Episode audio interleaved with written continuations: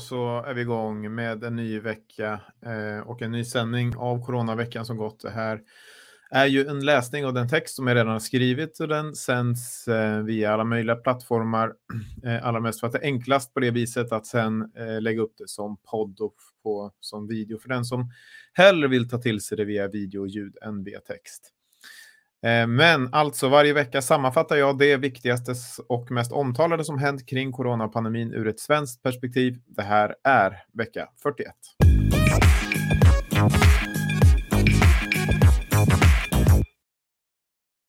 14 956 har nu avlidit med covid-19 i Sverige. Det är en ökning med 88 fall eh, sedan förra veckan.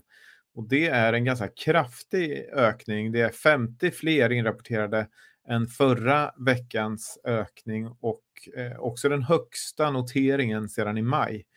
Och då ska vi komma ihåg såklart att de här 88 dödsfallen inte alla inträffade under just den senaste veckan, utan det är de som har rapporterats in den här veckan och det är stor eftersläpning. Det har alltid varit i statistiken.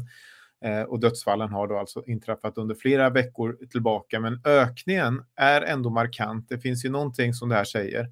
Eh, Folkhälsomyndigheten kallar det för ett förväntat eh, siffra utifrån smittläget i de äldre åldersgrupperna. Och det är just i de äldre åldersgrupperna som vi ser de här dödsfallen. Socialstyrelsen har gjort en preliminär genomgång av avlidna i covid-19, inte med då, utan i covid-19, det vill säga med dödsorsaksintyg. Ehm, det är ju så att Folkhälsomyndigheten gör en slags första bedömning om hur många det är som har dött med covid-19, det vill säga har dött inom 30 dagar från att de har blivit eh, positivt testade med covid-19. Det innebär alltså att man i, i princip skulle kunna dö en trafikolycka och ändå räknas in i covid-statistiken. Eh, och det görs liksom för att få en första slags metaöverblick och sen så följer ju Socialstyrelsen upp med en mer exakt eh, dödsorsaksfastställande, eh, ett, helt enkelt en läkare som gör ett dödsorsaksintyg och då eh, kontrollerar man om det är eh, de facto själva covid-19-viruset som har varit orsaken. Och det här har vi ju, det här har ju rapporterats under hela pandemin och man har också sett att det skiljer sig inte supermycket mellan de här två siffrorna, siffrorna utan det är oftast de korrelerar väldigt väl. Hur som helst, de har gjort en preliminär genomgång då. Eh, de gör ju det hela tiden, men där är det ännu större eftersläpning eftersom det tar tid för läkare att fastställa de här dödsorsakerna. Och då kan man till exempel se den här grafen för er som nu följer då eh, via video att eh, vecka 37 sticker ut här med 25 avlidna eh, just på äldreboenden som är den här grafen visar nu då. Eh, man ser eh, det här alltså att de här ofullständiga, då kommer fyllas på ännu mer under den här perioden, men bara på äldreboenden så kan vi se alltså 25 stycken under vecka 37 och det kommer ju öka ännu mer då under den kommande tiden. Smittan har för tredje veckan i rad parkerat på en platå med drygt 4 000 fall, eller ungefär 80 fall per 100 000 eh, invånare.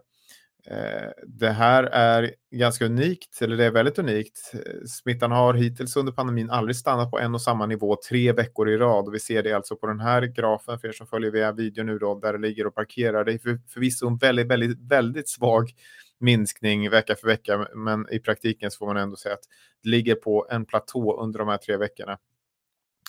Eh, och som sagt, det är unikt. Eh, vi kan även se att antalet som testat sig eh, för covid-19 ligger på ungefär samma nivå som förra veckan. Eh, något minskning där också, men det innebär att ungefär 3% av de som tar ett test eh, är positiva med covid-19 och så har det också varit de senaste tre veckorna ungefär. Eh, det här innebär också, kan vi konstatera, att vi inte ser då någon slags ökad smitta till följd av de slopade restriktionerna den 29 september. För att nu borde vi, borde vi kunna se det.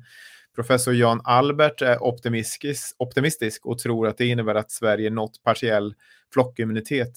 Men Folkhälsomyndigheten tror fortfarande att smittan kan öka under den kallare säsongen. Vi får se hur det där utvecklar sig. Smittan är fortsatt störst bland de näst yngsta, eh, men även här har smittökningen parkerat kan man väl säga. Här ser vi då grafen för er som följer via video att eh, de 10 till 19 år då har ju varit sedan några månader tillbaka den åldersgrupp som har haft högst antal fall per 100 000 invånare. Och eh, den ligger väl och parkerar här de senaste veckorna som sagt då Eh, på, ja vad kan det vara, runt 100 fall per 100 000 invånare. Eh, och eh, det ska vi då säga eh, är dels på grund av att vaccintäckningen är lägst i den här åldersgruppen. Man har ju precis börjat vaccinera de 12 till 15 år nu och dels också för att det här är den åldersgrupp där man fortfarande gör testning.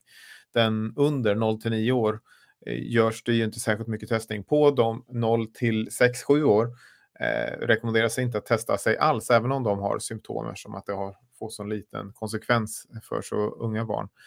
Så att man kan väl helt enkelt säga att det här eh, korrelerar väldigt väl med de som inte är vaccinerade helt enkelt och som vi fortfarande testar. Eh, mer glädjande är kanske då grafen över de på äldreboenden, särskilt boende, alltså där kurvan återigen då pekar neråt. Eh, men den här grafen, det är alltså den här prickade gröna linjen som vi ser då, går neråt igen ganska snabbt här under senaste inrapporterade hel vecka. Men vi ser ju att det har gått upp och ner ganska kraftigt de senaste, de senaste veckorna här. Och det beror ju på att det är ganska få fall och när man sluter då på fall per 100 000 invånare så kan det skifta väldigt snabbt så här. Men klart är att de som är på äldreboenden är mycket mer eh, drabbade än de som är utanför äldreboenden. Ser även att de som har Hemköp är mer drabbade också, vilket innebär att de som exponeras helt enkelt för eh, mer frekvent eh, ja, umgänge med yngre åldrar, det vill säga personal som kanske rullar runt på olika skift och så vidare. De, eh, de, de blir insjuknar också lättare. Eh, det där är givetvis väldigt problematiskt. Eh, men om vi tittar på mer som är positivt då så är det också att vårdbelastningen återigen minskar efter att förra veckan fastnat på en platå. Totala beläggningen på sjukvården i Sverige minskar 12 procent. Antalet inlagda på IVA minskar 30 procent, men det är ju låga tal ner till 24 patienter i Sverige som alltså är inlagda för, med, på intensiv, för intensivvård med covid-19. Eh, och vi kan också se att bland de som är inlagda på intensivvård så är det fortfarande en enormt stor övervikt av ovaccinerade. Vi ser här ju att det är eh, en, en rejäl ökning eller en rejäl eh, övervikt på ovaccinerade som är inlagda. Även om just den här veckan, senaste veckan, så är det ganska många där eh, statusen är okänd så ser vi ändå att förhållandet är väldigt tydligt. Att vaccin hjälper är ju uppenbart då och trots det så fortsätter alternativmedier vrida bilden till att vaccin är dåligt eftersom att äldre dör trots att de är dubbelvaccinerade, vilket är sant ju. Eh, och det är djupt problematiskt att äldre dör med covid-19 och de behöver snabbt få en påfyllnadsdos. Det är tydligt att det här inte ger lika starkt skydd nu som det gjorde eh, precis när de hade tagit eller perioden eh, efter att de hade tagit sin andra dos. Eh, men att vaccinet inte skulle hjälpa är ju då eh, felaktigt. Men det finns en pedagogisk utmaning här. I takt med att allt färre är ovaccinerade så kan det framstå som att de blir skonade eftersom de inte tar lika stor plats i den totala statistiken. Alltså att man genom att inte vaccinera sig så har man en bättre chans att inte bli sjuk eller, bli, eller dö eller sådär eftersom att man i den totala statistiken framstår som en så liten grupp Eh, och inte minst så att man inte ser att de, de, som är, de som är vaccinerade dör i samma utsträckning. Men riskerna är enorma och Socialstyrelsen presenterade i veckan en grafik som tydliggör det här ändå lite bättre. De skiftade istället till att räkna per 100 000 invånare. Så delar man upp då de vaccinerade och ovaccinerade, dels hur, eh, genom hur många som smittas, dels hur många som behöver söka upp sjukhus och eh, intensivvård.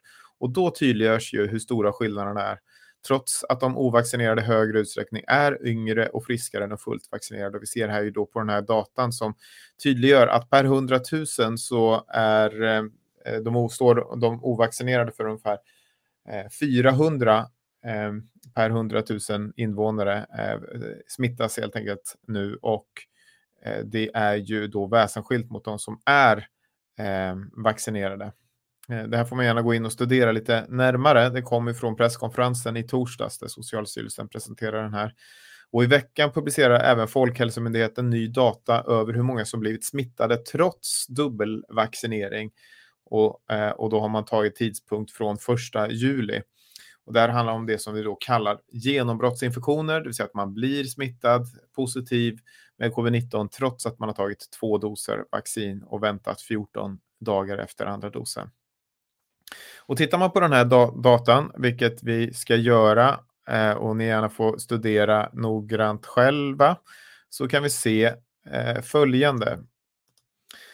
Ehm, de ovaccinerade, det är de här i den första tabellen, tabell 1b, de är under den här perioden 42 509. Eh, och de vaccinerade som har alltså fått covid-19, det vill säga genombrottsinfektioner, är 12 475. Det vill säga det första som man ser här då är att ovaccinerade som smittats är drygt tre gånger fler, nästan fyra gånger fler än de vaccinerade trots då att antalet ovaccinerade är långt färre än de fullvaccinerade. Det här har ju skiftat lite under den här långa perioden eller från första juli, men det har hela tiden varit fler som har varit ovaccinerade än, eh, än fullvaccinerade och trots det så blir alltså den som inte är vaccinerad eh, långt mer sjuk då än den fullvaccinerade. Men sen så kan man också studera vilka som hamnar på intensiven och där kan vi se att en ungefär lika stor andel vaccinerade och ovaccinerade hamnar på intensiven. Det är fler i liksom totala fall. Det är 211 ovaccinerade som har hamnat där eh, jämfört med 50 fullvaccinerade som har hamnat på intensiven. Men andelen och totalen är samma och det kan man ju fundera och studera lite då, det vill säga eh, det är 0,4 procent av de eh, positivt eh, de som haft genombrottsinfektioner som, som hamnat på intensiven och det är 0,5 av dem som eh, Eh, har varit ovaccinerade och smittade med covid-19 som har hamnat där. Men då ska vi notera istället medianåldern som blir kanske ännu viktigare här. Alltså bland de ovaccinerade så är medianåldern av de som hamnar på IVA 52 år medan den bland vaccinerade är 74 år. Det vill säga att vara gammal och skör gör ju att det krävs bara kanske en lätt infektion för att hamna på intensiven. Och när nästan alla äldre och sköra är vaccinerade så dras ju den statistiken upp såklart. Alltså hur många som hamnar på intensiven. 66 procent av alla de som är vaccinerade på intensiven är alltså 70 år eller äldre och motsvarande siffra för de ovaccinerade är 12 procent. Det är alltså väldigt mycket större risk att om du är ung och kanske övrigt frisk att hamna på intensiven om du inte tar eh, vaccinet. Och bland de avlidna så syns samma eh, trend. Det dör mer eh, med covid-19 trots att man är fullvaccinerad. Och det görs ju då eftersom att gruppen äldre och sköra är så mycket större här. Alltså det är nästan en total eh, vaccin vaccinationstäckning bland de som är äldre än, än 70 år. Det är över 90 procent, upp 95 procent i många åldersgrupper. Och det dör ju givetvis fler därför att det krävs så väldigt lite, en sån liten infektion eller så litet symptom för att man ska helt enkelt eh, dö när man är i den åldern och när man är så skör. 93 procent av de vaccinerade avlidna är över 70 år medan knappt hälften är det i den eh, betydligt yngre då ovaccinerade gruppen. Så det här kan man studera och fundera mycket på, men ni hör ju också hur lätt det är att vinkla det här åt liksom olika håll som gör det fördelaktigt beroende på hur man då ser på vaccin eller vad man tror om vaccin. Men alla de här aspekterna är viktiga att ta med och förstå när vi ska prata om det, så studera gärna det vidare. Det finns länk också till Folkhälsomyndighetens data över allt detta. Testerna slopas för den som är vaccinerad. Eh, det meddelade Folkhälsomyndigheten i veckan. Eh, det innebär att den som är vaccinerad eller nyligen varit infekterad inte längre behöver göra ett test trots att man är hemma eh, med sjuk med covid-symptom. Den nya rekommendationen börjar gälla från och med den 1 november och innebär alltså att den ovaccinerade som inte är infekterad de senaste sex månaderna ska man säga behöver fortsätta testa sig. Så det här innebär också att har du haft eh, eh varit infekterad med covid-19, har ett bekräftat eh, helt enkelt genomgången infektion så behöver du inte fortsätta testa dig även om du inte är vaccinerad. Det här är också liksom en slags bekräftelse över det skydd som man får Eh, vid en genomgången infektion, att det är väldigt starkt. I alla fall de första sex månaderna så, så vet vi det. Även sjukvårdspersonal och de på äldreboenden eh, måste fortsätta att testa sig vid sjukdomen, annars så är det alltså ett, ett skifte här. Och sammanfattningsvis så är det ju då att man givetvis ska vara hemma om man är sjuk, men att eh, det är bara barn från för, förskoleklass eh, och äldre samt ovaccinerade då som ska testa sig för covid-19 vid symptom. Eh, har man är fullvaccinerad, om man har en genomgången infektion senaste halvåret eller om man är barn under sex år så behöver man inte testa sig trots symptom. Ehm, fortsatt gäller också testning för ovaccinerade efter resa i utomnordiskt land. Då ska man testa sig när man kommer hem. Det här har Folkhälsomyndigheten fått kritik för tidigare, den här idén som man hade och man kommer säkert fortsätta att få kritik nu när det är genomförts då, eh, det vill säga att man tappar möjligheten att smittspåra, inte bara eh, i, i eh, kedjor av hur smittan sprids, utan också om det kommer in nya mutationer och så vidare. Eh, den, den tappar man helt enkelt nu när då man inte tvingar eller man rekommenderar alla att testa sig längre. Men Folkhälsomyndigheten menar att friheten är viktig att ge den vaccinerade. Att man helt enkelt ska slippa de här testerna, att man ska kunna återgå allt mer till ett normalliv och att Folkhälsomyndigheten kommer att ha tillräckligt med data från de barn, äldre och sjukvårdspersonal som fortsätter att testa sig. Vaccin. 7,2 miljoner har nu fått minst en dos vaccin. Det är 84,4 procent av befolkningen och 6,8 miljoner, 79,5 procent av befolkningen är fullt vaccinerade. Totalt har 14 miljoner doser, vaccinerats ut, eh, vax, doser vaccin delats ut i Sverige, vilket är 180 000 fler doser än förra veckan. Och vi ser ju hur kurvan eh, rör sig här och att den har betydligt svårare här. Den flackar ut rejält här uppe vid eh, 85 procent-strecket och den har bara rört sig 0,2 procent den senaste veckan. Ehm, det är en situation som gör att det just nu går alltså väldigt långsamt framåt. Vi eh, har sett i veckan att till exempel SVT har gjort en kartläggning över platserna där täckningen är lägst och det är ju ett mönster som vi känner igen sedan tidigare att de socionomiskt utsatta områdena är där det går trögast. Att allt färre vaccinerar sig gör också att Sveriges behov av vaccinleveranser minskar. I november så kommer antalet halveras, antalet doser som skickas hit alltså kommer halveras. Men det finns fortfarande flera miljoner doser på lager i Sverige. Därmed ett stort överskott när en tredje dos kommer att rekommenderas för fler grupper. Idag är det ju bara de 80 plus och riskgrupp som får ta en tredje boosterdos. Men tidigare sagts att att vi, vi kommer eh, antagligen efter nyår eller runt nyår eh, rekommenderas för hela befolkningen att fylla på när skyddet då antas avta. Det här har jag skrivit om tidigare, får gärna läsa om det. I veckan började vaccinering av barn 12 år och äldre smyga fram i vissa regioner i Sverige. Det är lite olika hur det går till där. De flesta börjar ju runt här vid höstlovet. Ännu finns ingen samlad statistik över åldersgruppen, men klart är att de inte kommer att vaccineras med Modernas vaccin. Det stoppades ju förra veckan, vilket jag skrev om. Det svenska beslutet har väckt förvåning runt om i världen eftersom risken för biverkning är minimal och dessutom är den enkel att behandla. Det är inget livshotande eller någonting farligt egentligen, utan det försvinner ofta av sig själv. Och det är bara de nordiska länderna som har pausat Modernas vaccin för unga fram till 1 december då.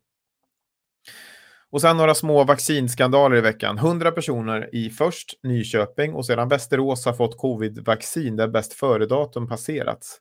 Konsekvensen antas vara mycket liten för de som in, eh, vaccinerats med det här vaccinet. I Gävle har samtidigt 14 vaccinmedarbetare tagit en tredje dos utan tillåtelse. De har gett sig själva en boosterdos alltså. Oacceptabelt, säger de ansvariga. Om vi lite längre perspektiv på Region Stockholm kritik för hur man hanterat vaccineringen i regionen, särskilt i början. Men regionen menar att det är vaccinleveransernas fel.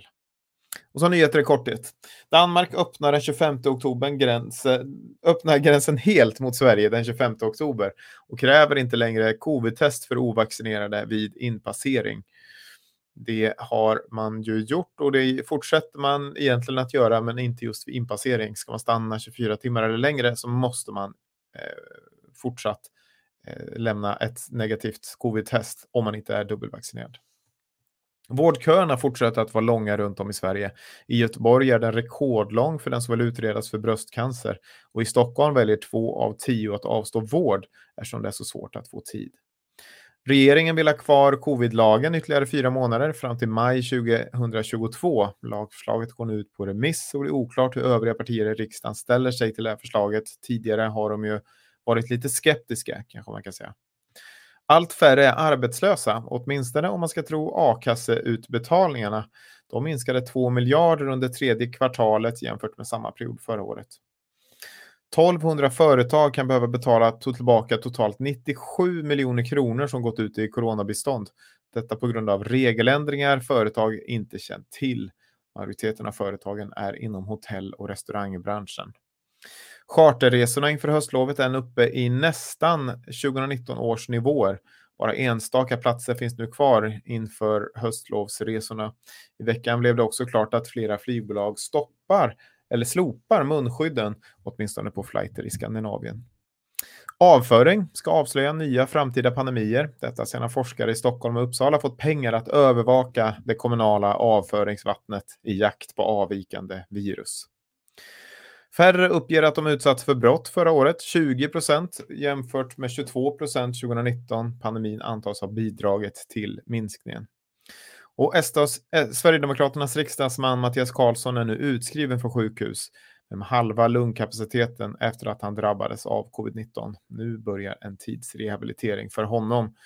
Och nu börjar det här lida mot sitt slut, min coronavecka. Eh, vi, jag tackar för att ni har lyssnat eh, och eh, fortsätter att rapportera om det här. Som sagt, det är eh, fascinerande att det känns som att nu kanske det tar slut och så finns det alltid väldigt mycket att prata om. Så jag tackar så mycket för att ni lyssnar. Tycker ni att det var viktigt och intressant och så får ni gärna stötta på patreon.com Emanuel Karlsten och så fortsätter jag en stund till helt enkelt. Tack så länge.